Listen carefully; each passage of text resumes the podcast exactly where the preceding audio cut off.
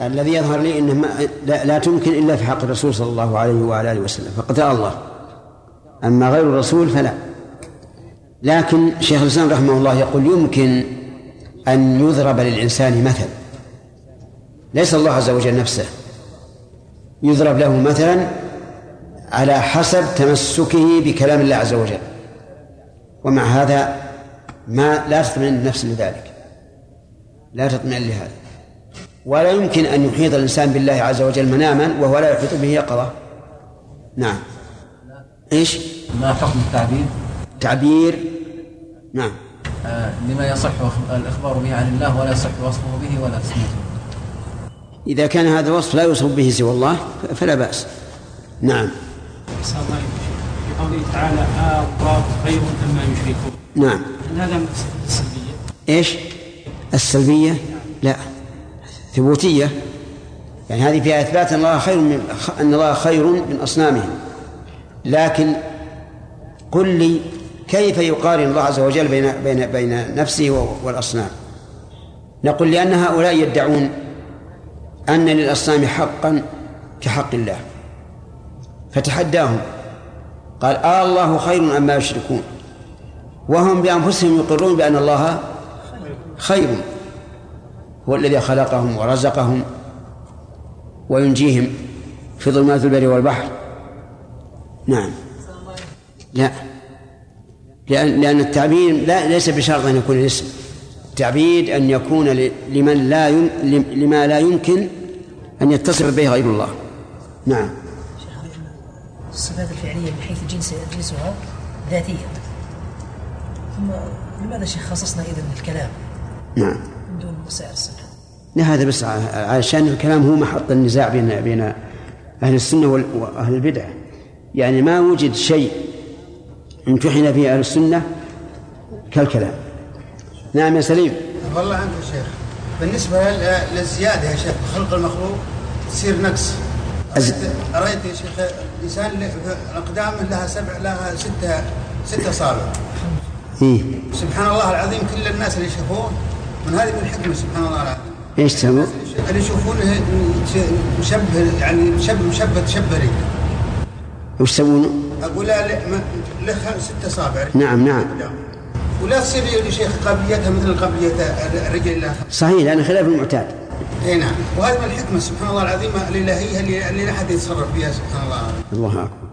لكن هل يجوز قطع هذه الإصبع الزائدة؟ والله يا شيخ اللي اللي يصنع الله سبحانه وتعالى ما الانسان يتعرض. عجيب. إي نعم. لو إنه زائد. هلا الشيء المضر الشيء المضر يا شيخ. لا ما في ضرر. إي نعم. لا هو يلبس النعل ولا يهتم ولا يتأثر. لكن يقول الله مشكلة الناس إذا شافوني أصلي جنبهم ولا عندي سبعة أصابع. يتقززون. فهل يجوز قطعها؟ والله يا شيخ اللي هذا يصنع الله سبحانه وتعالى. إي معلومه يعني كل يصنع. كل شيء يصنعه الله. هذا ما الإنسان انه يتعرض لأن لأن الإنسان لما رضي بفعل فعل الله سبحانه وتعالى رضي على حد ومن من خالف من خالف فعل الله خلق الله سبحانه وتعالى فالنفس من الشيء. اما هذا نقص الأظفار نقص الأظفار يا شيخ بامر بامر الشرع. طيب لإيش؟ لإزالة الأذى. هذا يؤذي هذا أكثر. المهم على كل حال آه العلماء السابقون رحمهم الله يقولون لا يجوز قطع الأصبع الزائدة. وعللوا هذا بأنه على خطر على خطر أن آه ينضب الدم. لكن في الوقت الحاضر في خطر ولا لا؟ ما في خطر ما في خطر. وأشياء كثيرة الفقهاء نصوا على تحريمها وعللوا بأنها خطرة.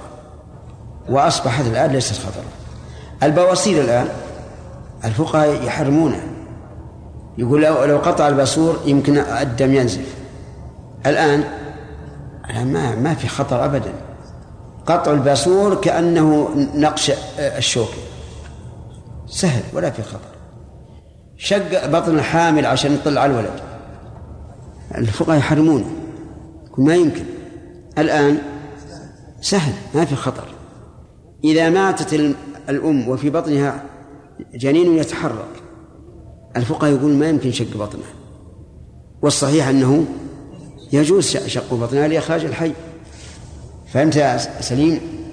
لا ما في شيء إن شاء الله. ما في يعني قطع الإصبع الزائدة ما في شيء. لأنه لا شك أن الإنسان سيتأثر نفسيا. وإذا كان الإنسان يجوز أن يسد العيب الزائل كالأنف إذا قطع يجوز أن يلحم عليه شيء فهذا من باب أولى. انتهى الوقت. نعم. نعود إلى الدرس.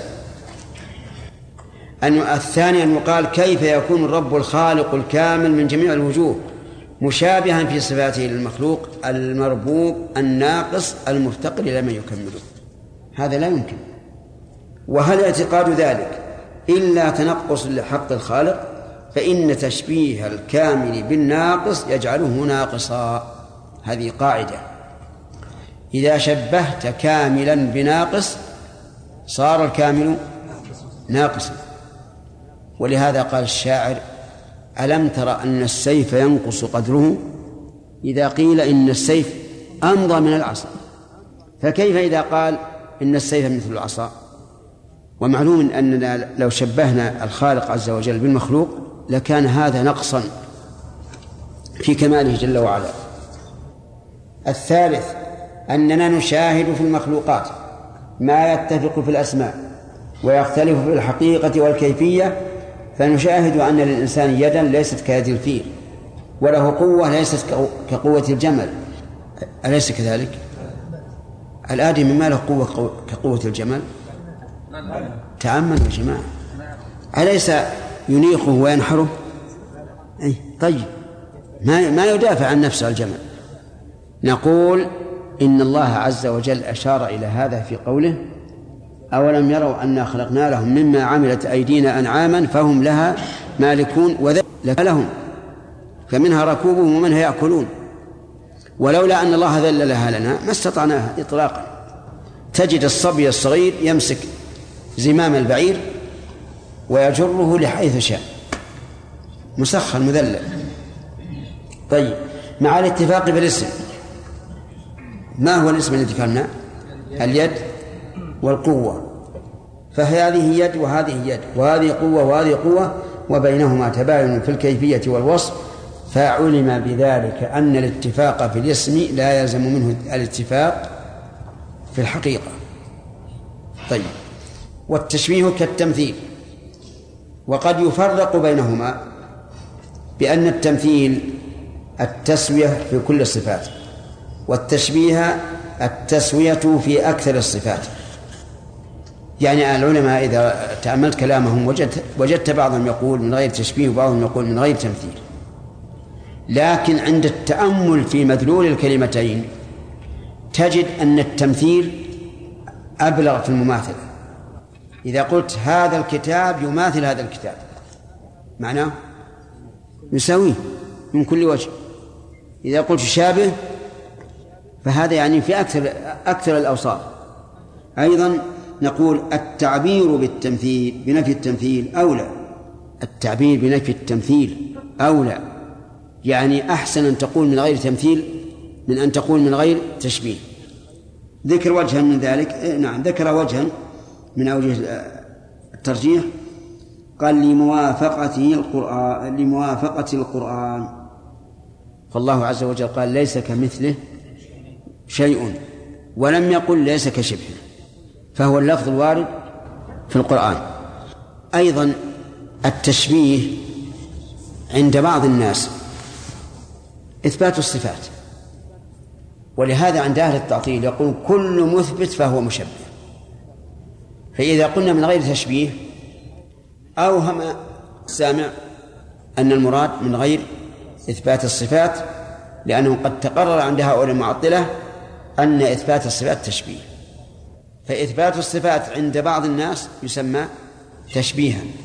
فإذا قلت من غير تشبيه صار المعنى من غير إثبات صفات. ثالثا أن نقول نفي التشبيه. إن أريد به التشبيه التشبيه المطلق فهذا لم يقل به أحد. فلا حاجة إلى نفيه لا حاجة إلى نفيه ونفيه عبث لأنه لم يقل به أحد. ونعني بالتشبيه المطلق المساواة من كل وجه.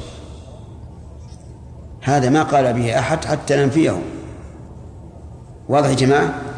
ولذلك لو قال لك قائل سأهدي عليك هدية وأعلمك بعلم وهو علم مكون بجملة لها مبتدأ وخبر. قام يمدح لك. وش وش تكون حالك؟ تشرئب تطلع لهذا العلم. قال السماء فوقنا والأرض تحتنا. نعم. وش الفائدة من هذا؟ لا فائدة. إذن إذا أرادت نفي التشبيه المطلق فهذا لا فائدة منه لأنه لا قائل به. وإن أراد مطلق التشبيه وهو المشابهة في أصل الصفة فهذا أيضا ممنوع. لأنه لا بد أن يشترك الخالق المخلوق في في أصل الصفة. لا بد من هذا. ولولا ذلك ما عرفنا شيئا من صفات الله. فمثلا الحي من أسماء الله وصفته الحياة. هل الإنسان يوصف بالحي وفيه حياة؟ نعم. قال الله تعالى يخرج الحي من الميت. طيب السميع. وصف والصفة؟ السمع. هل يوصف الله بالسمع أو لا؟ وهل يوصف المخلوق بالسمع؟ نعم. إذا اشترك الخالق والمخلوق في إيش؟ في أصل الصفة لكن يختلفان في كيفيتها وحقيقتها. الوجود يشترك فيه الخالق والمخلوق لكن يفترق الخالق والمخلوق في كيفية هذا الوجود. وجود الخالق عز وجل أزلي أبدي. ووجود المخلوق عكس ذلك ليس أزليا ولا أبديا. فتبين الآن أن القو... أن قولنا مع نفي المماثلة أولى من قولنا مع نفي المشابهة. نعم. قال المؤلف المؤلف رحمه الله ووفقه وأما التكييف فهو أن يعتقد المثبت أن كيفية صفات الله كذا وكذا من غير أن يقيده في مماثل. سيد عندكم؟ يقيدها. نعم. آه الكيفية آه التكييف أن يقول كيفية صفاته كذا وكذا دون أن يقيدها بمماثل مثل أن يتخيل كيفية معينة ليد الله عز وجل ويقول كيفية يده كذا وكذا دون أن يقول كيفية يده كيد الإنسان أو ما أشبه ذلك. فالفرق بينهما إذن أن التمثيل مقيد بمماثل والتكييف غير مقيد. طيب هل يمكن أن نقول كل ممثل مكيف؟ نعم نعم. كل ممثل مكيف. صحيح؟ كل مكيف ممثل. لا ما يصح.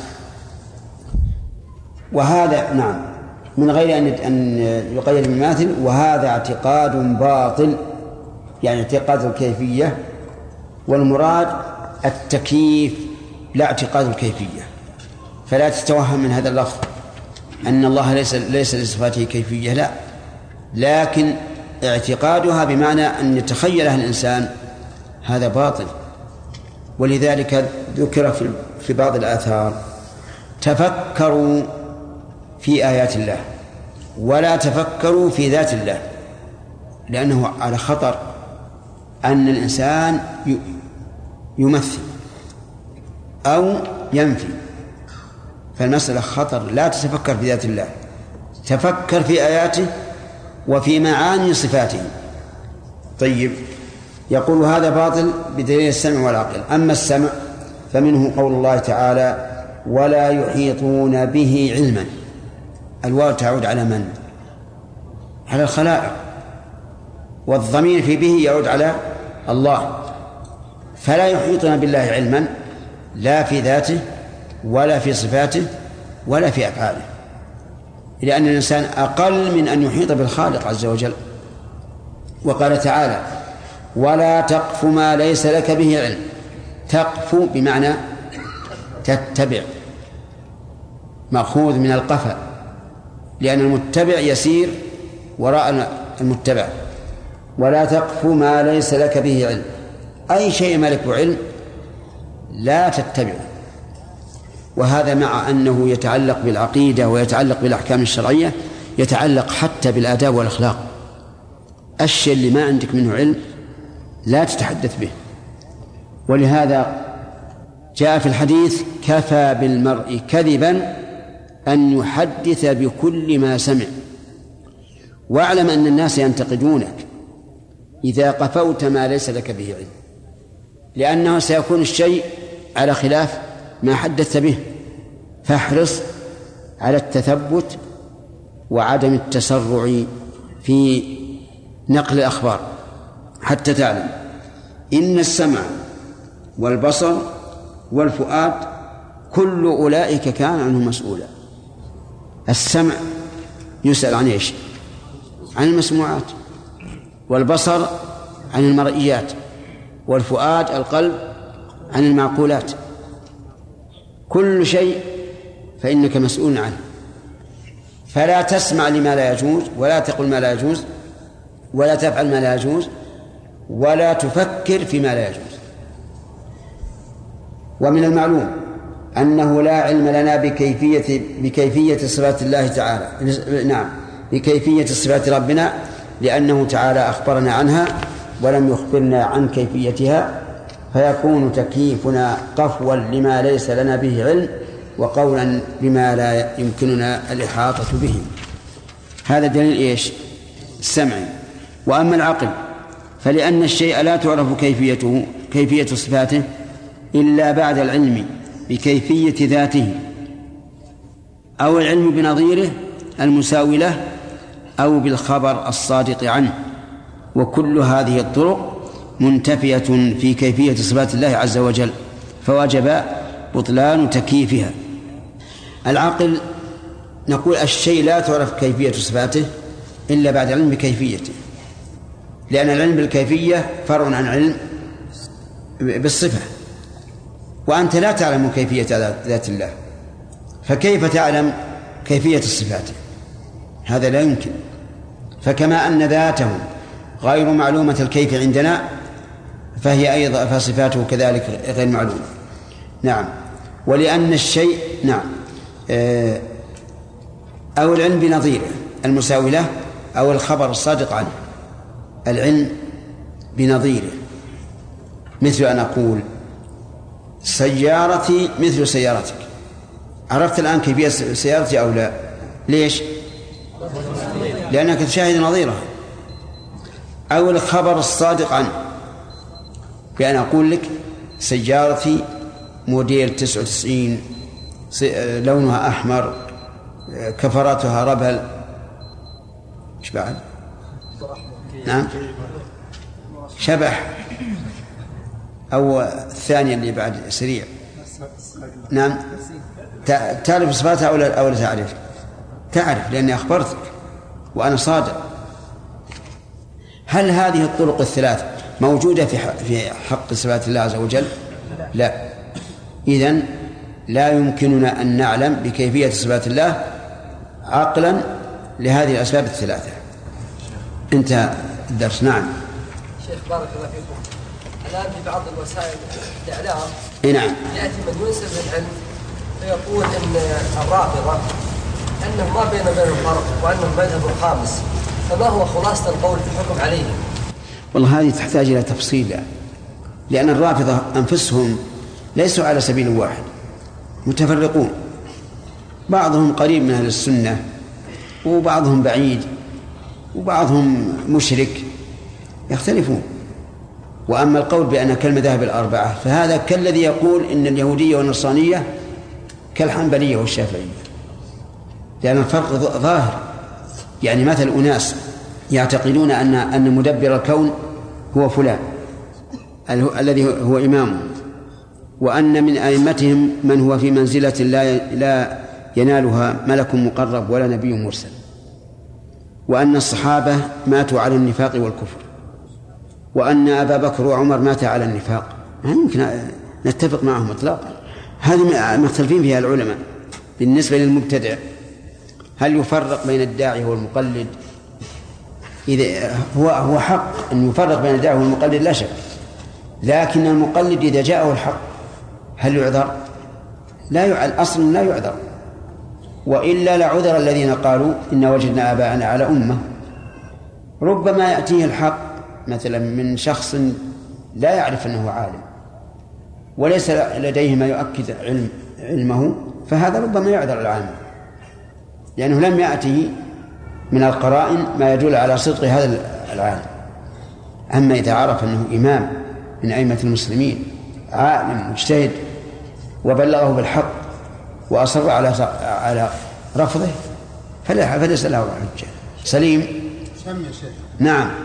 بالنسبة للرافضة أبغض ما عندهم يا شيخ أهل السنة. ما يشوفون ما عندهم ما, عندهم أفود من من السني في الأرض. ولا وعند الشدائد يا شيخ لا ما يدعون علي عند عند أكبر شدة. ما يدعون إلا علي ما يدعون الله سبحانه وتعالى. والثاني أنهم أنهم أنهم التقية. الواحد التقية. ما أدري أو العربية بوه.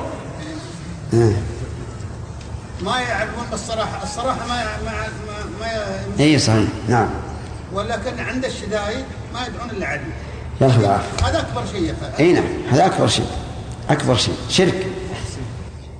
يعني المشركون عند الشدائد من يدعون؟ الله عز وجل. نعم. أحسن الله. جاء في السنة شيخ أن اسم الله الأعظم الحي القيوم. هل هذا يفيد إي ما في شك. ستتبادر في مدلولها ومعناها بعضها يكون له معاني كثيرة. كالقرآن الكريم. القرآن الكريم من حيث المتكلم به لا يتفاضل. لكن من حيث مدلوله وموضوعه يختلف اختلافا عظيما. قل هو الله أحد تعدل ثلث القرآن. وأعظم آية في كتاب الله في كتاب الله آية الكرسي. وأعظم سورة الفاتحة. انتهى الوقت. لا أي ساعة باق عليها الآن. خمس ثواني. آه، ثمان آه، ثانيتان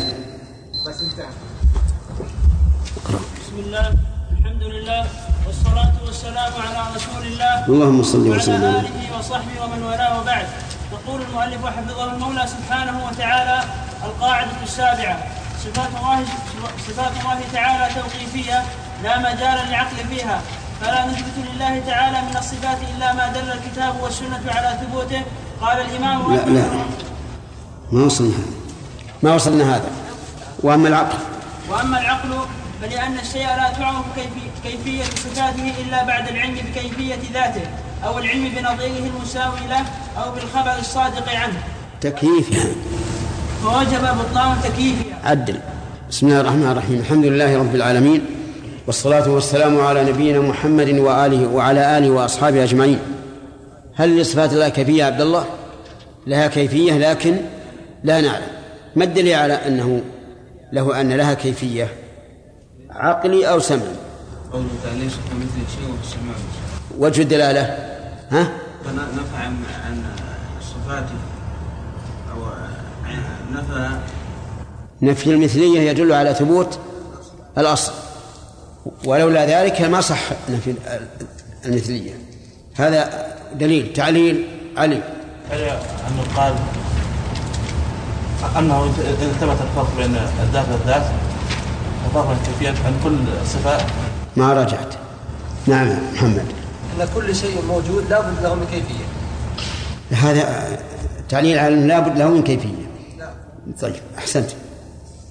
آه، ما هو دلالة العقل على أن كيفيتها غير معلومة. يحيى. اولا لابد أن يكون يعني فرق بين يعني نعرف يعني يعني معلومة عند كل الناس يعني يعني موجود فرق بين الخالق والمخلوق.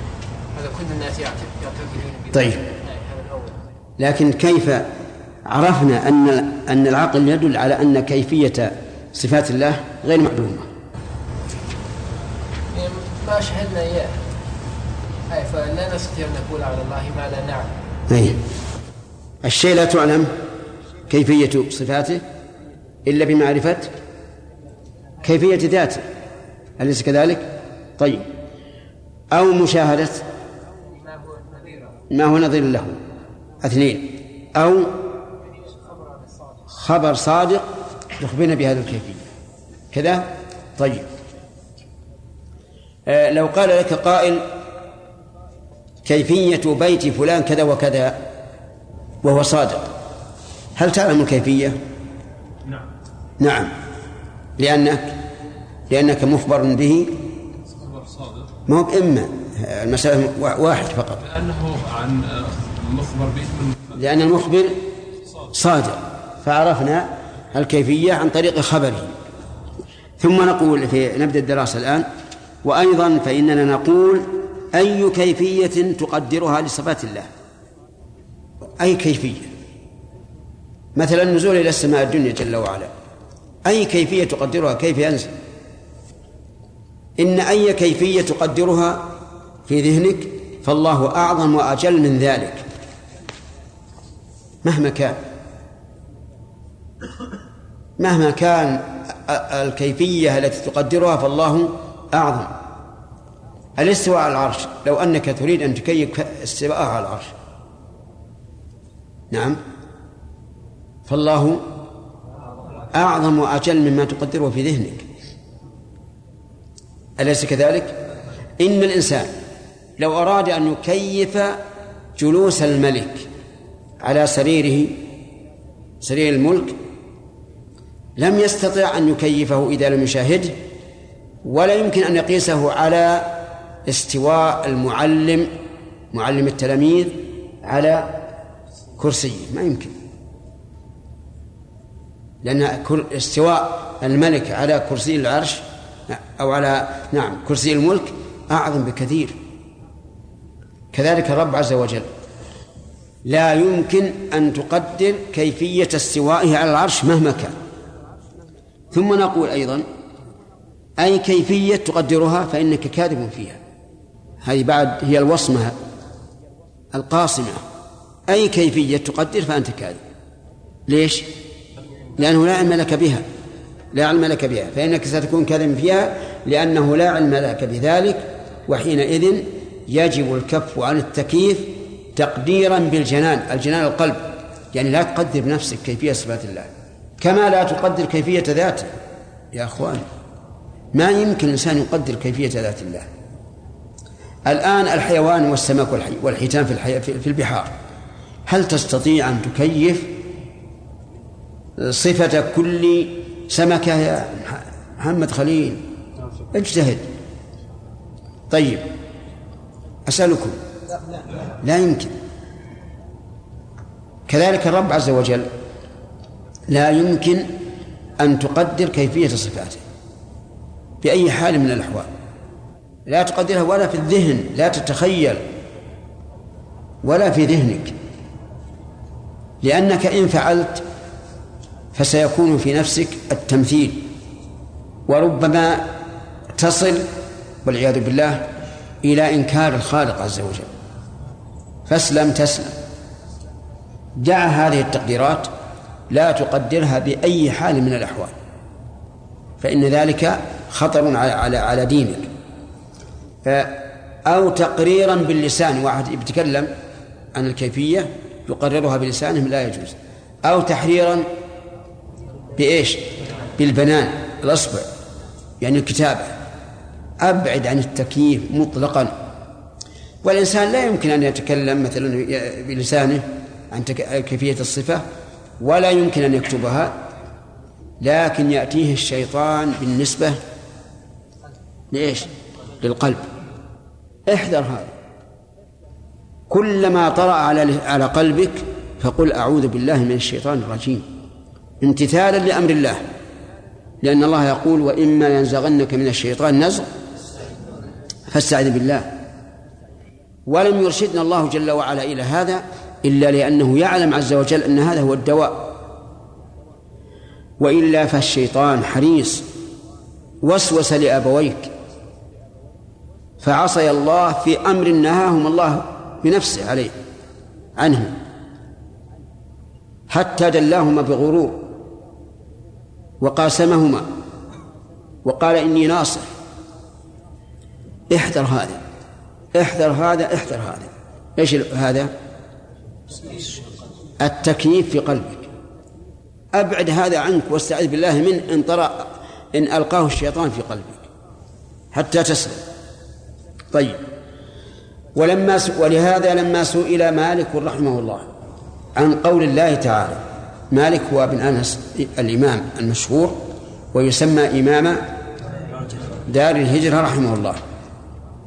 لما سئل عن قوله تعالى الرحمن على العرش استوى كيف استوى؟ سأله رجل من الناس يقول الرحمن على العرش استوى كيف استوى؟ هذا الرجل يحتمل أن استفهامه هذا استفهام منكر لأن من الناس من ينكر الاستواء. ويحتمل أن أن سؤاله هذا سؤال تحدي كأنه يقول إذا كنت تثبت استواء بالمعنى فأثبته بالكيفية. ويحتمل أنه سؤال استرشاد. يظن أن مثل هذا السؤال جائز. كل هذه الاحتمالات واردة. لكن مالك رحمه الله أطرق برأسه نزله حتى علاه الرحضاء. يعني حتى على جسمه العرق. صار يتصبب عرقا. والظاهر والله أعلم أنه حصل له ذلك لأن السؤال عظيم. سؤال عظيم. أمثل مالك يسأل عن كيفية السؤال له؟ أو أي إنسان؟ عرق عرق عظيم. ثم رفع رأسه وقال الاستواء غير مجهول. غير مجهول المعنى. والكيف غير معقول. الكيف غير معقول. أي لا يدرك بالعقل. إذا كان لا يدرك بالعقل فبأي طريق ندركه؟ بالنقل ولا نقل. ولا نقل. وكلام مالك رحمه الله لما قال إنه غير معقول يعني نحن لا نق... لا لا نثبت الصفات ولا كيفيتها بالعقل. فنحتاج إلى نقل ولا نقل في هذا. والإيمان به واجب. الإيمان به أي بالاستواء واجب على المعنى المعلوم الذي قال إنه غير مجهول والسؤال عنه بدعة السؤال عنه عن إيش؟ عن الاستواء عن المعنى ولا عن الكيفية؟ عن الكيفية السؤال عنه بدعة هذه الكلمات تستحق أن تكتب بمداد من نور على صحائف بمداد من ذهب على صحائف الفضة لأنها كلمات عظيمة من إمام في السنة رحمه الله. وروي عن شيخه ربيعة أيضا الاستواء غير مجهول والكيف غير معقول سواء بسواء. إذا قال قائل فما معناه أي الاستواء؟ فالجواب أن الاستواء ورد في اللغة العربية على أربعة أوجه. ورد في اللغة العربية على أربعة أوجه. الأول مطلق والثاني مقيد بعلى مقرونا بعلى والثالث مقرونا بإلى والرابع مقرونا بالواو. هذه أربعة. فأما الأول فمعناه الكمال. وكل شيء بحسبه. ومنه قوله الله قول الله تعالى ولما بلغ أشده واستوى أي كمل. ومنه قول الناس استوى الطعام في الطبخ. يعني نضج. وأما الثاني المعد بعلى فمعناه العلو على الشيء علوا خاصا علوا خاصا وبعضهم يقول والاستقرار أيضا العلو والاستقرار. وقد روي في استواء الله على العرش عن السلف أربعة معاني وهي على وارتفع وصعد واستقر. لكن هذه في ثبوتها نظر من أسندت إليه إنما لا لا يمتنع أن يكون هذا المعنى بالنسبة للغة العربية. الثالث المعدى بإلى المقرون بإلى. فمعناه الانتهاء الانتهاء على وجه الكمال الانتهاء إلى الشيء على وجه الكمال. ومنه قول الله تبارك وتعالى ثم استوى إلى السماء فسواهن سبع سماوات. ثم استوى إلى السماء وهي دخان. فهذه بمعنى إيش؟ الانتهاء إلى الشيء على وجه الكمال. وقيل إنها بمعنى على على إليها. ولكن القول الأول أصح. إن بمعنى انتهى إلى الشيء على الكمال. لأنه لم يرد أن الله استوى على السماء حتى نحمل إلى على معنى على. نعم استوى على العرش لا شك لكن على السماء لا ما ورد. ولأن إلى الأصل فيها أن تكون للانتهاء والغاية فهي بمعنى الانتهاء إلى الشيء.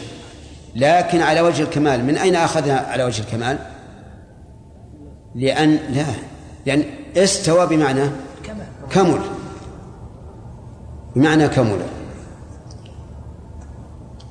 الرابع أن تكون مقرونة بالواو فتكون بمعنى آه، المساواة. يعني الشيء يساوي الشيء. الشيء يساوي الشيء. ومنه أن قولهم استوى الماء والخشبة. يمثل بها النحويون على إيش؟ المفعول معه. فهنا بمعنى إيش؟ المساواة اتفقا. ومنها أن تقول استوت إجابة فلان وفلان. يعني تساوت. تساوت. فهذه أوجه هذه المعاني الأربعة هي التي وردت عليها الاستواء. طيب. إذا الاستواء معلوم. استوى على بمعنى إيش؟ على عليه. وارتفع عليه.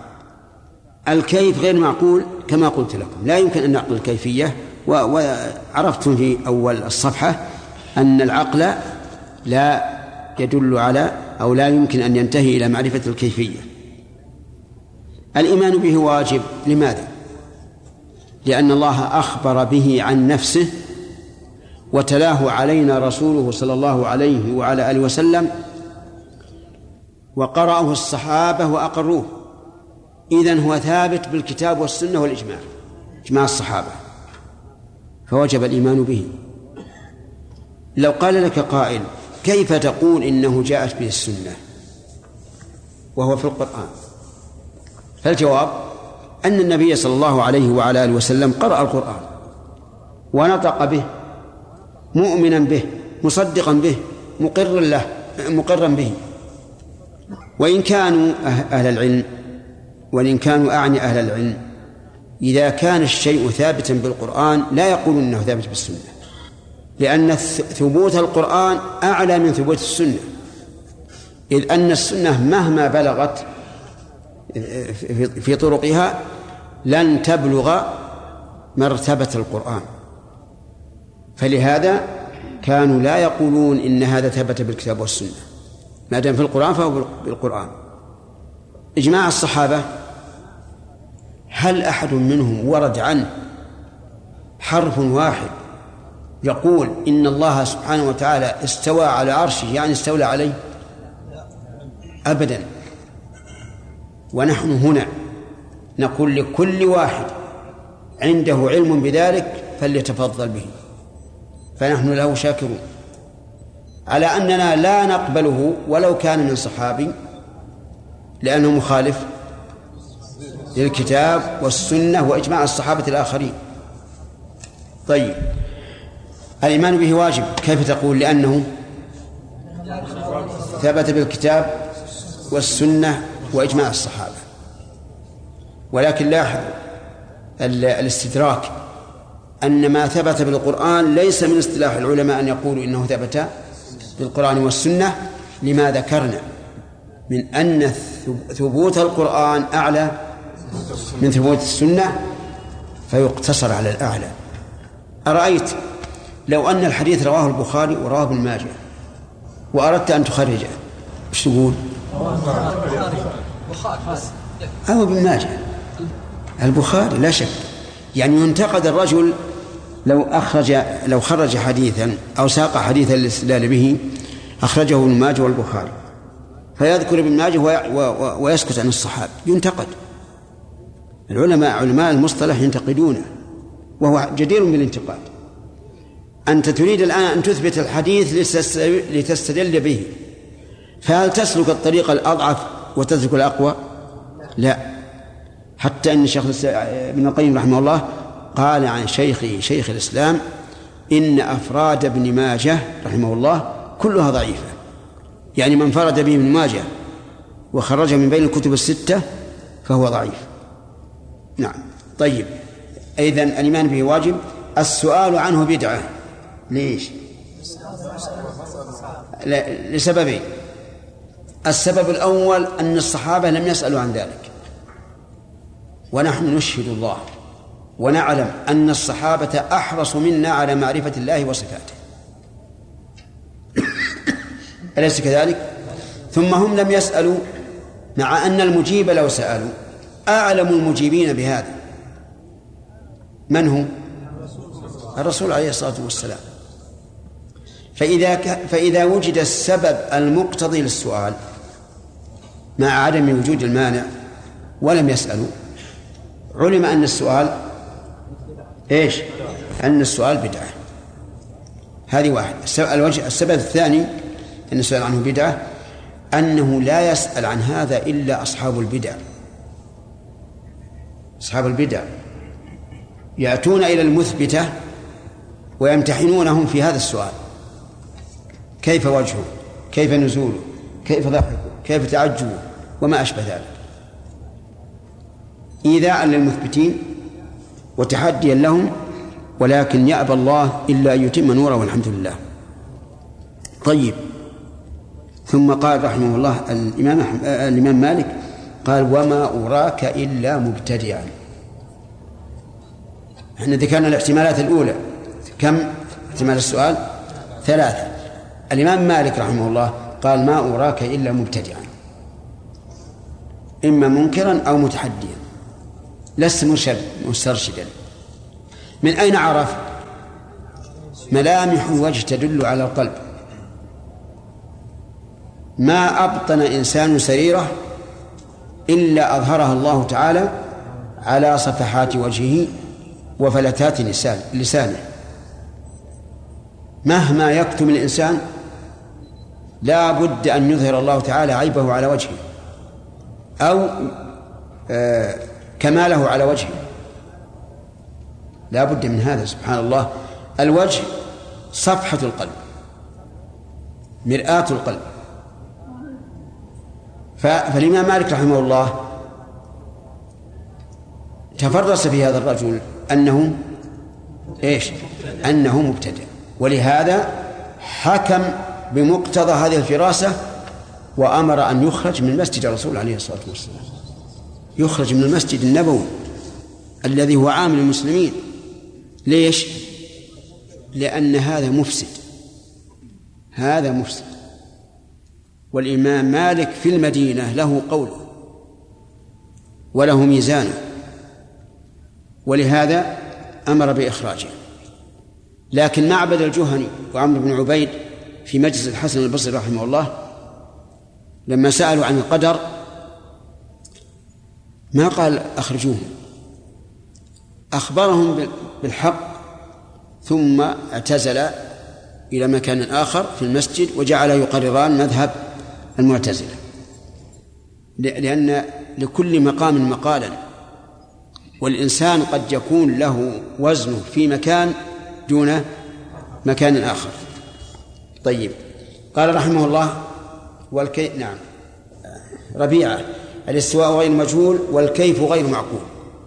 كما قال تلميذه. وقد مشى أهل العلم على بعدهما على هذا الميزان وإذا كان الك- الكيف غير معقول ولم يرد به الشرع فقد انتفى عنه الدليلان العقلي والشرعي فوجب الكف عنه. والحمد لله يعني نحن في سلامة يا أخوان. الأمور الغيبية ما دمنا سالمين والحمد لله. نسلم. هؤلاء الذين يقال لهم إنهم يريدون التعمق وتحقيق العقيدة تجد يسأل. كم أصابع الله؟ السؤال هذا جائز ولا غير جائز؟ غير جائز. اسكت عما سكت الكتاب والسنة عنه. كم أنامله ما يجوز. لا يجوز. اسكت على ما جاء في الكتاب والسنة وأنت في خير وفي سلامة. لا تتعمق فتغرق. أسلك ما سلكه السلف رحمهم الله في في هذا وغيره. فالحذر الحذر من التكييف أو محاولته فإنك إن فعلت وقعت في مفاوز لا تستطيع الخلاص منها. وإن ألقاه الشيطان في قلبك فاعلم أنه من نزغاته. فالجأ إلى ربك فإنه معاذك. فإنه معاذك. وافعل ما أمرك به فإنه طبيبك. قال الله تعالى وإما ينزغنك من الشيطان نزغ فاستعذ بالله إنه هو السميع العليم. الحمد لله. ذكر الله الداء والدواء. ما هو الداء المتوقع؟ أن ينزعك من الشيطان نزغ سواء في العقيدة أو في المعاصي أو في الأخلاق. واعلم أن الشيطان لا يأمر إلا بالفحشاء لا يأمر بالخير أبدا. وإنما يأمر بالشر فكلما هممت بالشر فاستعذ بالله من الشيطان الرجيم. استعمل هذا الدواء فإنه دواء ناجع. نعم. القاعدة السابعة صفات الله تبارك وتعالى توقيفية لا مجال للعقل فيها فلا نثبت لله تعالى من الصفات إلا ما دل الكتاب والسنة على ثبوته هذا هذه القاعدة لها قاعدة سبقت في الأسماء إيش؟ أنها توقيفية. كذلك الصفات توقيفية. لا يمكن أن تصف الله شف التعبير إلا ما دل الكتاب والسنة على ثبوته. في الأسماء وش قلنا؟ قاعدة الأسماء. أرجع لها. يجب الوقوف. آه. على مجال أقرأ أقرأ أقرأ القاعدة. القاعدة الخامسة اسماء الله تعالى توقيفية لا مجال للعقل فيها. نعم. وعلى هذا فيجب الوقوف فيها على ما جاء به الكتاب والسنة. نعم. فلا يزاد فيها ولا ينقص. تمام. شوف على ما جاء به الكتاب والسنة. إذن اللفظ ما نثبته. لكن الصفات قلنا ما دل عليه الكتاب والسنة. لأن الكتاب والسنة قد يدل على المعنى وإن لم يرد بلفظه. فهنا فرق.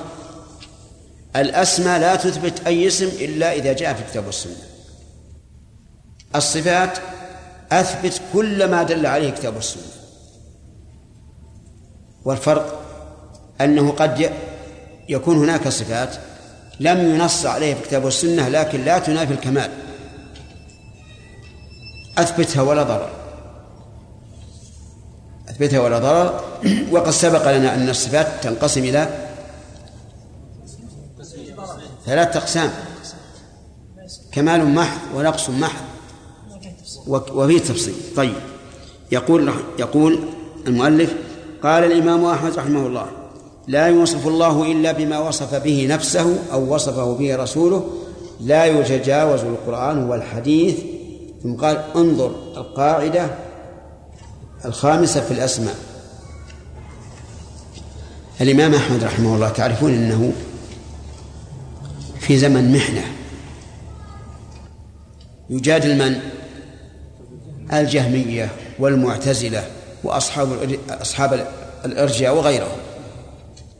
فلهذا قال لا يوصف الله إلا بما وصف به نفسه أو وصفه به رسوله. لا يتجاوز القرآن والحديث. ظاهر كلام الإمام أحمد أنك لا تثبت أي صفة إلا وهي منصوص عليها بعينها لقوله لا يوصف إلا بما وصف به نفسه على أنه يحتمل أن يكون المراد إلا ما وصف به نفسه جنسا لا عينا وحينئذ يكون كما ذكرنا في القاعدة. لكن الإمام أحمد رحمه الله يحترس في مثل هذه الأشياء حتى إنه قال من قال لفظي بالقرآن مخلوق فهو جهمي ومن قال غير مخلوق فهو مبتدع. فخطأ من قال مخلوق وغير مخلوق مع أنه عند التفصيل. إن أراد باللفظ الملفوظ به فهو لا يا أخوان من قال لفظ بالقرآن مخلوق وأراد الملفوظ به فهو جهم وإن أراد التلفظ بذلك فحق مخلوق. لأنه صوت صوت الإنسان. ومن قال غير مخلوق يقول إنه مبتدع مع أنه عند التحقيق إذا كان يريد دفع أولئك الذين يقولون إنه مخلوق فهو محق. ولهذا لا تجد هذه العبارة غير مخلوق في كلام السلف الأقدمين لأنه لم يكن هناك بدعة في القول بإيش؟ بخلق القرآن. نعم. القاعدة الس... نعم. القاعدة لا شيء. ولدلالة الكتاب والسنة على ثبوت الصفة ثلاثة أوجه. الأول التصريح بالصفة كالعزة والرحمة والبطش والوجه واليدين ونحوها. العزة أين الدليل؟ ولله العزة ولرسوله آه القوة إن الله هو الرزاق ذو القوة المتين. الرحمة وربك الغفور ذو الرحمة. البطش إن بطش ربك لشديد الوجه ويبقى وجه ربك. اليدين بل يداه مبسوطتان. ونحوها كالعين مثلا. الثاني تضمن الاسم لها. أن تكون الصفة غير منصوص غير منصوص عليها بعينها لكن الاسم يتضمنها. وقد سبق لنا أن الإيمان أن أسماء الله لا يتم الإيمان بها إلا بإثبات أسماء لله وإثبات ما تضمنته من صفة. والثالث إثبات ما ما تضمنته من الحكم إذا كانت متعدية. طيب. مثل الغفور متضمن للمغفرة والسميع متضمن للسمع ونحو ذلك. انظر القاعدة الثالثة في الأسماء. مع أن الغفور قد ورد في القرآن ذو المغفرة وإن ربك لذو مغفرة للناس على ظلمهم. لكن لا يمنع أن يكون لثبوت المغفرة أي صفة المغفرة أن يكون لها دليلان أحدهما التصريح بها والثاني الاسم المتضمن لها. الثالث التصريح بفعل أو وصف دال عليها كالاستواء على العرش. لا تجد اسما من مادة السواء. لكن لك أن تقول إن الله مستو على العرش. استوى فعل ولا اسم؟ فعل. لك أن تقول إن الله مستو على العرش فإذا قال قائل كيف تأتي بمستو اسم فاعل والذي ورد إنما هو استوى به الفعل نقول لأن لأن هذا الفعل يدل على شيئين على حدث وزمن. وإن شئت فقل على معنى وزمن. المعنى في في السواء ما هو؟ الاستواء. والزمن الف... آه، الوقت. نعم كالاستواء. على العرش. والنزول إلى السماء الدنيا. يصح أن تقول إن الله تبارك وتعالى نازل إلى السماء الدنيا في الثلث الآخر من الليل. كيف تقول نازل والحديث ينزل؟ لأن الفعل يدل على المعنى الذي هو النزول. طيب الثالث آه، المجيء للفصل بين العباد يوم القيامة. من أين أخذ؟ من, أين أخذ؟ من قوله وجاء ربك والملك صفا صفا. ومثل الإتيان. موجودة. آه نعم. الدال على والانتقام من المجرمين الدال عليها على الترتيب. الدال عليها يعني على هذه الصفات على الترتيب قوله تعالى الرحمن على العرش استوى وقول النبي صلى الله عليه وعلى آله وسلم ينزل ربنا إلى السماء الدنيا الحديث. وقول الله تعالى وجاء ربك والملك صفا صفا وقوله تعالى إنا من المجرمين منتقمون. لكن لاحظ في هذا أن الصفة المأخوذة من الفعل لا بد أن تقيد بما قيد به الفعل. ما تخليها مطلقة. فمثلا لو قال لك قائل هل من أسماء الله المنتقم؟ فالجواب لا. حتى لو قرن بالعفو مع أنه في عد الأسماء المذكورة المعروفة العفو المنتقم. نقول لا ما ما نقول هكذا. ما نقول العفو المنتقم لا بد إذا أثبتنا الصفة هذه أو أثبتناه اسما من أسماء الله أن نقيده. ولا يمكن أن نقول إنه اسم من أسماء الله وهو لا يصح إلا مقيدا. وهذا الفرق بين بين لاحظوه.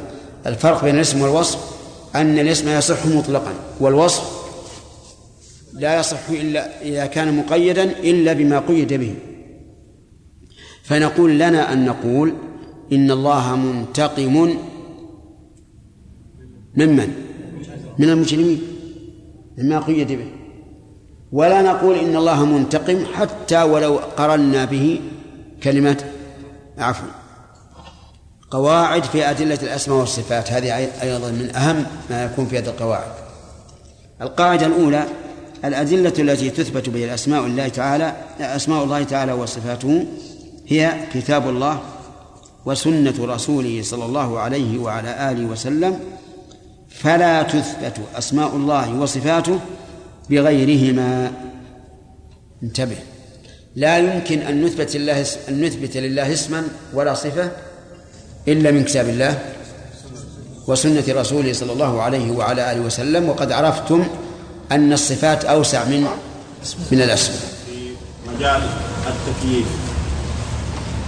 نحن أثبتنا كيفية مجهولة. فما ردنا لمن يقول إن صفات الله ليس لها كيفية ولا معلومة ولا مجهولة. وذلك لأن قول الإمام مالك الكيف غير معقول. يمكن أن يكون ممتنع. لأنه غير معقول يقال للممتنع كذلك في أخذنا من من الآية الكريمة ليس كمثله شيء ليس قضية الثبوت لأنها ذنية الضلال ثم أخذنا من العقل أن كل موجود لها كيف؟ نحن نفينا أن نأخذ الصفات من العقل فكيف نستطيع أن نثبت هذه الكيفية من العقل؟ لا نعم أحسنت. هذا ليس من من دلالة العقل المجردة هذا من اللازم. لازم كل موجود أن يكون له صفة. ما هو دلالة عقل هو لو لم لو, لو لم يثبت أصلا كلمة الموجود قلنا ما يجوز ما يجوز نقولها. لكن هي ثابتة. وإذا كانت ثابتة فإنه يلزم من ثبوتها أن يكون لها أن يكون لها صفة.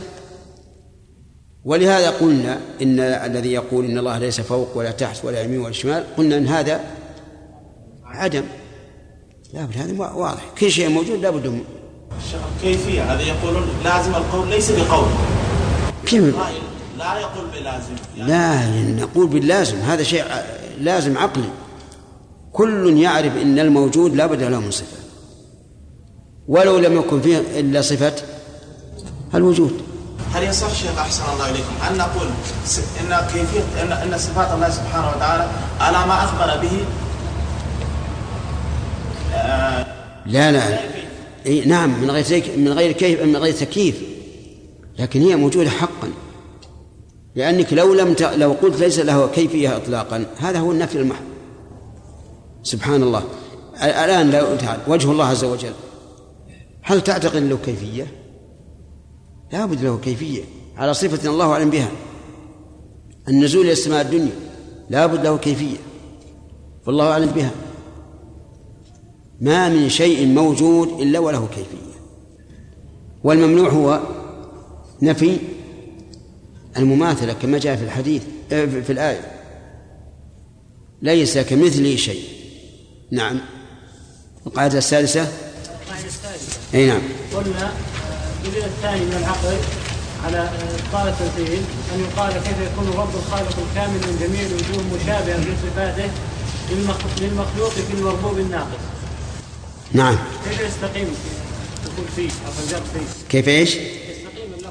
القاعدة السادسة. هذه ثمان وجوه الأول الثاني يقال اقرأ. أن يق- أن يقال كيف يكون الرب الخالق الكامل من جميع الوجوه مشابها في صفاته المخلوق في المربوب زيادة يا شيخ. زائدة فيها. ها؟ زائدة وين فيه؟ إيه وش يقول؟ اقرأ. اقرأ النص اللي عندك. أن يقال كيف يكون الرب الخالق الكامل من جميع الوجوه مشابها في صفاته المخلوق في المربوب الناقص. ها في هذه زائدة. زائدة في. وأنت تأخرت بالسؤال عنها أو أح- أنا ما أذكر أن أحد سأل عنها موجود يا شيخ. ملاحظة أي لا بس هي لا- المفروض إن إنها اشتبوا عليها. في غلط. نعم. أحسن الله عليك يا شيخ. يذكر البعض عن قول الله تعالى ثم استوى إلى السماء. يقول ثم قصد إلى السماء. بإرادة تامة. نعم. لا شف قصد بإرادة تامة. يعني لا يخالف ما قررناه من إلى في هذه الآية بمعنى انتهى. لا لا ما يخالف لأنه قصد بإرادة تامة. هم يجعلون الإرادة هنا بمعنى الكمال بمعنى كمال الإرادة. مثل الأسماء نعم. يجب على الوقوف بالنص. نعم. أما الصفات ما يدل على ذلك في دلالة الكتاب والسنة. أوسع نعم. لكن قول اشتبه عليه الشيخ القول الثالث تصريح الفعل أو الوصف دال عليه كالاستواء. قلنا أن الله مستوي أن الله نازل. نعم. نسمي هذا ما يكون اسم هذا يا شيخ؟ لا ما نسميه نصب.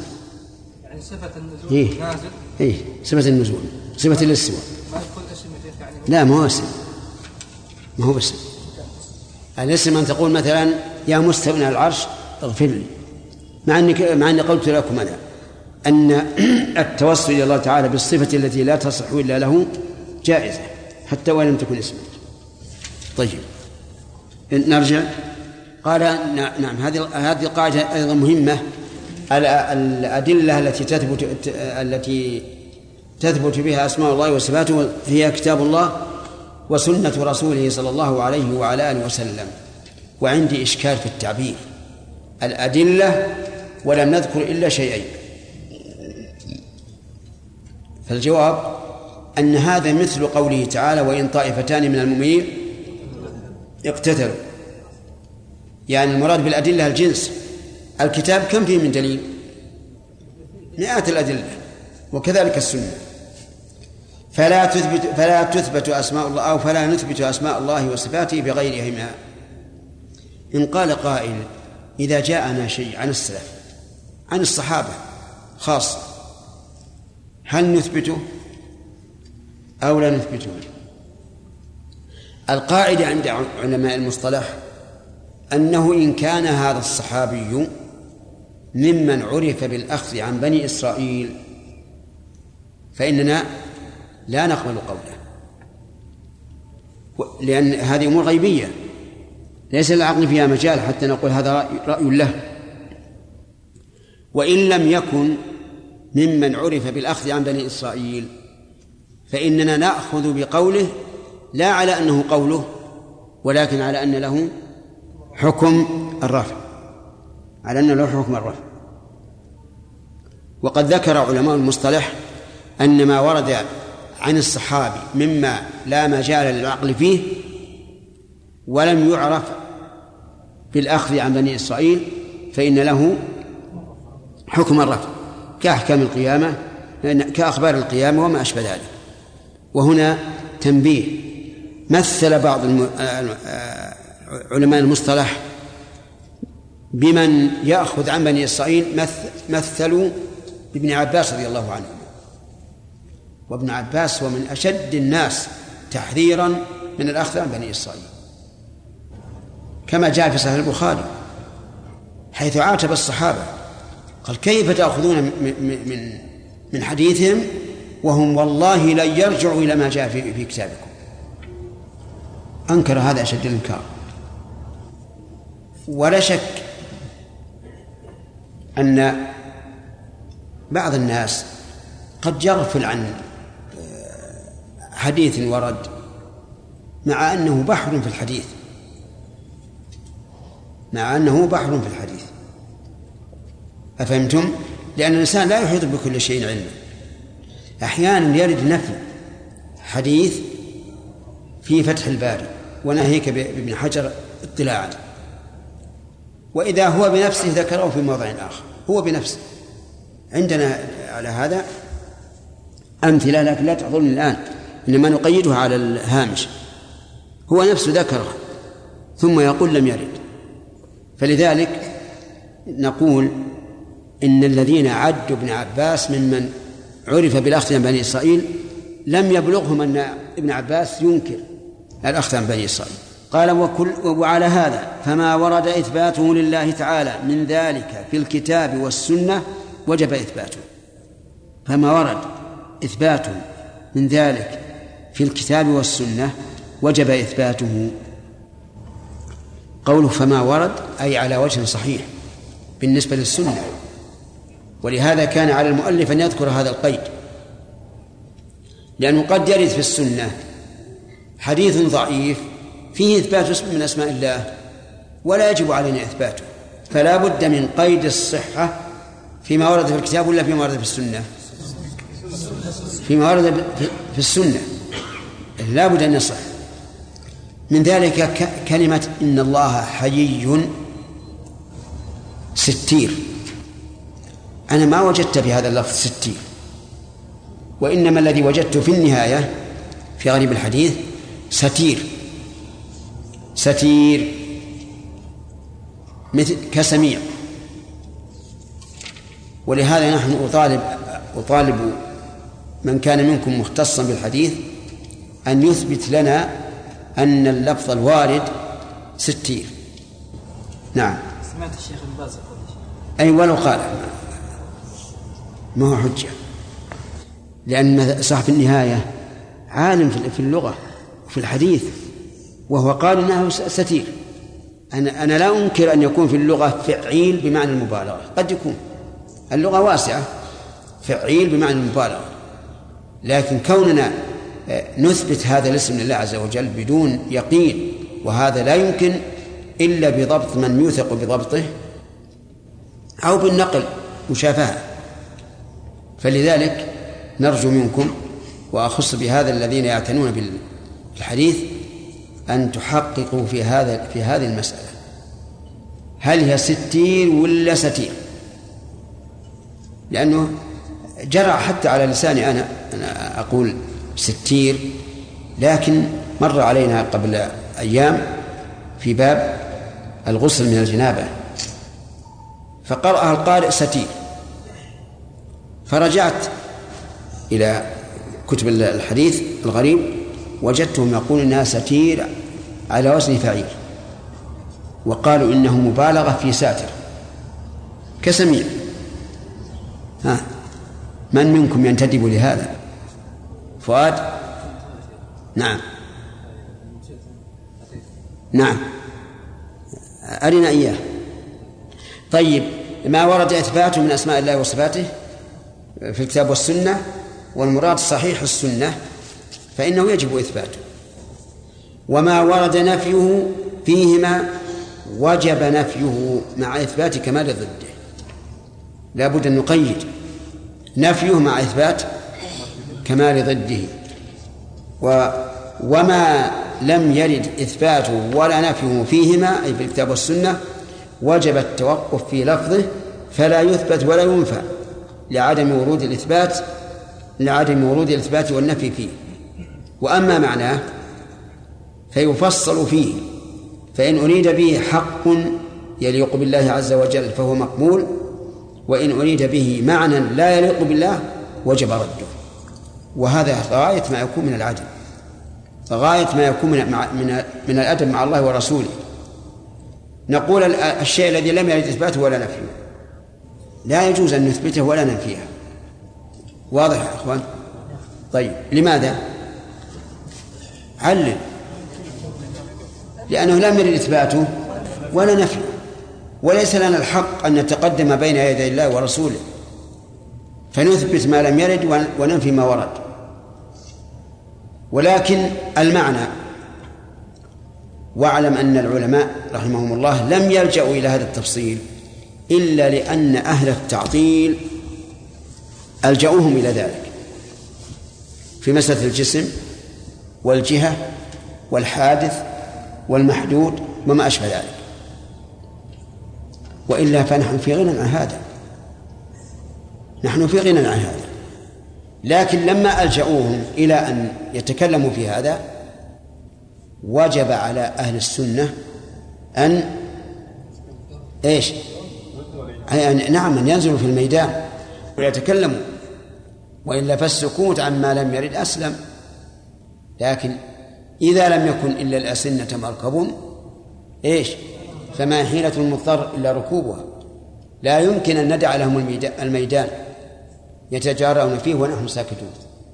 طيب آه، صار الذي لم يرد نفيه ولا إثباته. ما موقفنا نحوه أما اللفظ فنتوقف. ولنا أن نتوقف. ونقول لا تلزمنا بأن نثبت ولا ننفي لأنه ما ورد. لكن إن ألجأنا أو صارت الحال تقتضي ذلك نقول نستفصل. نستفصل عن المعنى إن أريد به حق فهو مقبول. المعنى لاحظ يعني معناه ما يستقر في نفوسنا من المعنى لكن هل اللفظ نثبته أو لا؟ لا. وإن أريد به معنى لا يليق بالله عز وجل وجب رده. فمما ورد إثباته لله كل صفة دل عليها اسم من أسماء الله. صح؟ مما ورد إثباته لله تعالى. كل صفة دل عليها اسم من أسماء الله تعالى دلالة مطابقة أو تضمن أو التزام. صح؟ نعم صحيح. وسبق لنا بيان دلالة تضمن والمطابقة والالتزام. إذا دل اللفظ على المعنى كله بجميع أجزائه فهو مطابقة ودلالته على جزء المعنى تضمن. ودلالته على أمر خارج لازم التزام ومثلنا بكلمة الخالق. فقلنا الخالق يدل على ثبوت ثبوت الذات وصفة الخلق. إيه دلالة مطابقة على الأمرين جميعا. وعلى الذات وحدها وهو الله عز وجل تضمن. وعلى الخلق وحده تضمن أيضا. وعلى العلم والقدرة والإرادة. التزام. نعم. طيب. ومنه أي مما ورد كل صفة دل عليها فعل من أفعاله. كل صفة دل عليها فعل من أفعاله فهو مما يجب إثباته. كالاستواء على العرش والنزول إلى السماء الدنيا. و نعم. والم... و... والمجيء للفصل بين عباده يوم القيامة. ونحو ذلك من أفعاله التي لا تحصى أنواعها فضلا عن أفرادها كما قال الله عز وجل ويفعل الله ما يشاء. طيب صانع يصلح؟ أن نصف الله بأنه صانع؟ دليل؟ قوله صنع الله الذي أتقن كل شيء. من عبارات العوام عندنا يقولون يا صانع كل مصنوع. يا صانع كل مصنوع هل هذا صحيح أو غير صحيح؟ صحيح ها؟ صحيح؟ لأنه إن كان من فعله فهو من فعله واضح وإن كان من فعل العباد فقد قال الله تعالى والله خلقكم وما تعملون ولهذا لا لا ننكر على على العامة اللهم إلا أن يريدوا معنى آخر أنه يحتاج في صنعه إلى آلات وإلى زنبيل وإلى فاروع وأدري محمد خليل يعرف الفاروع ها؟ تعرفوا ما تعرفون نعم. إيش؟ والأول ما تعرف الزنبيل؟ سبحان الله طيب الزنبيل آه، خصف من خوص النخل. توضع فيه الأشياء يوضع فيه التمر يوضع فيه آه، الحبوب وغيره هذا يسمى زنبيل. وما حسبت أحدا يجهل الزنبيل نعم. إلا أنت؟ سلة. لا ما نعرف إحنا. السلة في في سلة الدولاب. تجره. طيب. إذا لا تعرف. الفاروع تعرفه؟ من باب أولى. طيب. نشوف الإخوان. يحيى. ما تعرفه؟ أبدا. لا, لا ستعرفه إن شاء الله. والأخ جنبك أظن بعد تعرفه؟ الفروع؟ سبحان الله وش؟ ها؟ تحفر به الأرض. تمام. هو عبارة عن حديدة. عن حديدة لها طرف مسنم. هكذا. والطرف الثاني بالعكس مسنم هكذا. ولها يد من خشب. تدخل في ثقب بالوسط. أنت معي ولا لا؟ طيب. ثم تضرب به الأرض. فتحفر به الأرض. عرفتها الآن؟ ما اسمها؟ عندك. الزنبيل عرف أنها اسمها عندك السلة. وهذه ما اسمها عندك؟ نيجيريا ما فيها فواريع؟ يسمى دقة إيش؟ دقة. دقة؟ طيب. على كل حال يجب علينا أن نفهم أننا إذا قلنا هذا صنع الله. ليس معنى ذلك أن الله تعالى محتاج إلى آلات نصنع بها. السماء بنيناها. هل أحد يتصور أن الله عز وجل أتى بالعمال والزنابيل والفواريع التي تسمى في لغة النيجيريين؟ دقة. نعم. هل جاء بهذا؟ لا. واضح يا إخوان؟ طيب. على كل حال لا ننكر على العامة الذين يقولون يا صانع كل مصنوع لأن نعرف قصدهم أنه موجد كل موجود. طيب. يا نعم. ومنه أي مما ورد إثباته؟ الوجه والعينان واليدان. وأدلة هذا إن شاء الله معروفة عندكم. ومنه الكلام والمشيئة والإرادة بقسميها الكوني والشرعي. فالكونية بمعنى المشيئة والشرعية بمعنى المحبة. وهذه جرى تفصيلها في أي في أي درس؟ في درس العقيدة الواسطية. ومنه الرضا والمحبة والغضب والكراهة ونحوها. وهذه أيضا مرت بأدلتها في العقيدة الواسطية. جاء دور السؤال. أي لأن الاسم إنشاء. إنشاء. والإخبار خبر عن شيء وقع. ويتضح هذا بالمثال. لو أراد أحد أن يسمي ابنه عبد المطلب يجوز أو لا يجوز؟ طيب. مع أن النبي صلى الله عليه وسلم أقر هذا. وقال أنا ابن عبد المطلب. لأن هذا من باب الإخبار عن شيء واقع.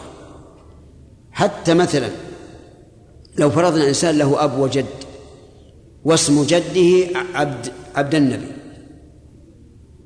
وقال أنا فلان ابن فلان ابن عبد النبي. يجوز ولا لا؟ طيب لو, لو أراد أن يسمي عبد النبي ما يجوز. هذا معنى قولهم إن باب الإخبار أوسع من باب الإنشاء. نعم. أن. أن يجعل قسيما الإخبار آه، عن الله عز وجل بأخبار لا تتضمن نقصا بل تتضمن كمالا. آه، قسيم هذا هذا القسم يكون قسيما للأسماء والصفات. فتكون تقسيما يعني؟ يعني تنقسم الأشياء إلى ثلاثة أمور. إلى إلى إيش؟ إلى ثلاثة أشياء. نعم. نعم. التسمية والوصف والإخبار. وإيش؟ الإخبار. الإخبار. لا لأن الوصف والتسمية كلها مندرجة تحت الأخبار. لا لا. أبدا هي أصل حتى التسمية.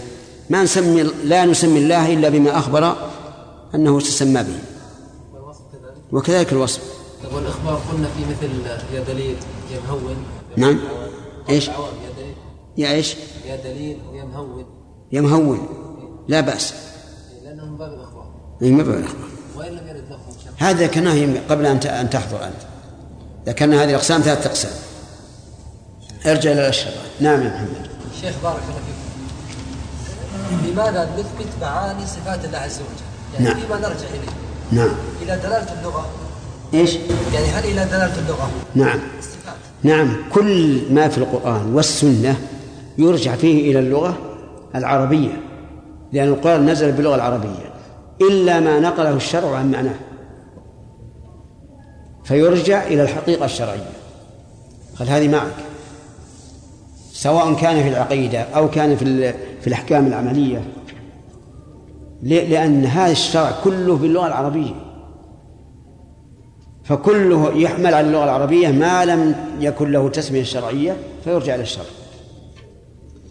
على أن الشرع حتى ال- الذي له حقيقة شرعية أحيانا يكون هناك قرائن تدل على أن المراد به الحقيقة اللغوية.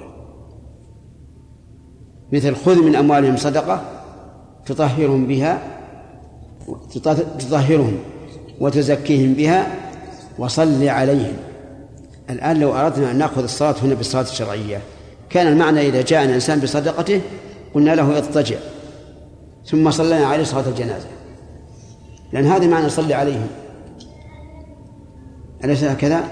طيب لكن الآن نقول هنا قرينة تدل بل تفسير من الرسول عليه الصلاة والسلام يدل على أن المراد بذلك الدعاء فإنه كان إذا أتاه أحد بصدقته قال اللهم صل على آل فلان نعم. ذكرنا في النبي صلى الله عليه وسلم وإن ربكم ليس بعور استدللنا استدللنا به على إثبات العينين لله من وجهين. نعم. ذكرنا أن الوجه الثاني هو أنه لو كان لله أكثر من عين لذكره النبي صلى الله عليه وسلم لأنه أكمل. نعم. الاشكال أحسن الله إليك أنه لو كان هذا يعني صفة كمال نعم. لكان الله متصفا بها لأن كل صفة كمال ثابتة لله. نعم أي وإذا كان متصفا بها فلا بد أن يذكرها الرسول طيب هي صفة لو قلنا مثلا الإشكال يا شيخ أنه إذا كانت هذه صفة كمال ليش ما كانت ثابتة لله؟ آه ما هي صفة كمال لو كان صفة كمال لها ثبتت والنبي صلى الله عليه وسلم أراد أن يميز بين الدجال وبين الرب عز وجل فذكر أنه أعور حتى لا يشتبه. لا تقل لماذا لم يذكر أشياء أخرى. عقلية بأن هذا الدجال محدث. نقول لأن المسألة كبيرة. ولهذا أعظم فتنة من خلق آدم إلى قيام الساعة فتنة الدجال. والناس في تلك الحال قد لا يتصورون الأمور المعقولة ولكن يفهمون الباطل والحق بالأمور المحسوسة. ولا من المعلوم أنه لو- هناك فروق كثيرة. ليس الفرق بأنه بس وهذا- والرب ليس بأعور. أصبر التمييز بأن له ثلاث أعين يك- يحصل ولا ما يحصل؟ يحصل. فلما لم يذكره علم أنه ليس له ثلاث أعين. لكن هل ثلاثة أعين أكمل من عينين؟ لا. ما هي أكمل؟ نعم. بعض الناس إذا رأى مثلا ظلما في المجتمع وكذا قال الله منتقم. هل يكفي القيد الأول ب... لا أنا أرى أنه يقيد. أرى أنه يقيد. فيقال الله منتقم من الظالمين. أحسن.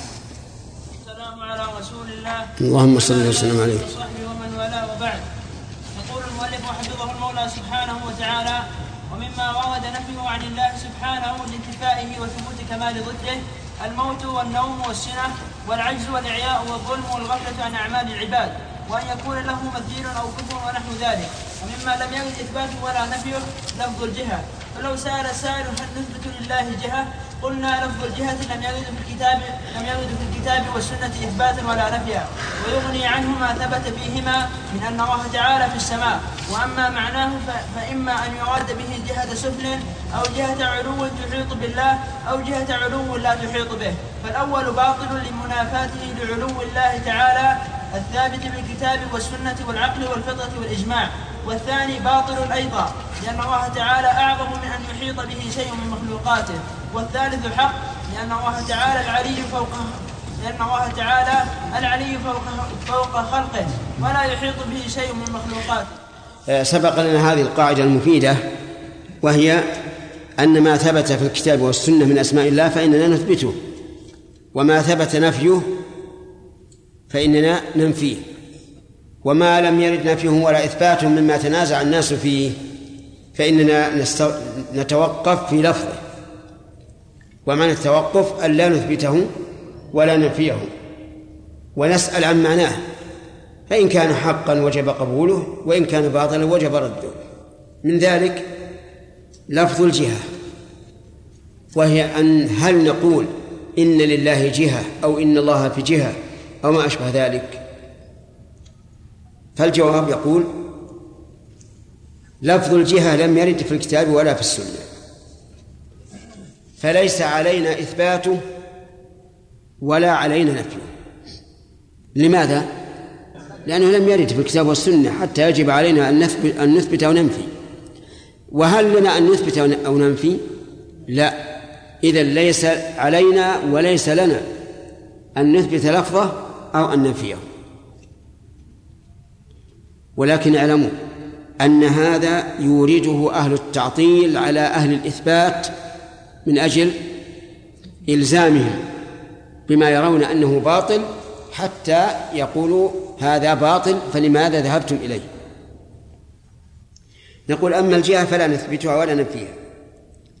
ويغني عن ذلك عن كلمة الله في جهة أن نقول إن الله في العلو. إن الله في السماء إن الله فوق عباده وما أشبه ذلك لأن هذا كله وارد في الكتاب والسنة. فيغني عنهما عن هذه عن هذه الجهة أو عن هذا اللفظ ما جاء في الكتاب والسنة من إثبات علو الله تبارك وتعالى. أما معناه فإننا نسأل هذا الذي وجه إلينا هذا السؤال ماذا تعني بالجهة؟ هل تريد بذلك جهة سفل؟ أو تريد جهة علو تحيط به؟ أو جهة علو لا تحيط به؟ الأقسام ثلاثة. جهة سفل جهة علو تحيط به جهة علو لا تحيط به. لا ودليل ذلك هذه ودليل هذه الأقسام الحصر. فلا يمكن أن يوجد شيء رابع. والجواب الأول باطل. ما هو؟ جهة السفل هذا باطل. لأن الله تعالى قد ثبت له العلو بدلالة الكتاب والسنة والإجماع والعقل والفطرة. وهذه سبقت في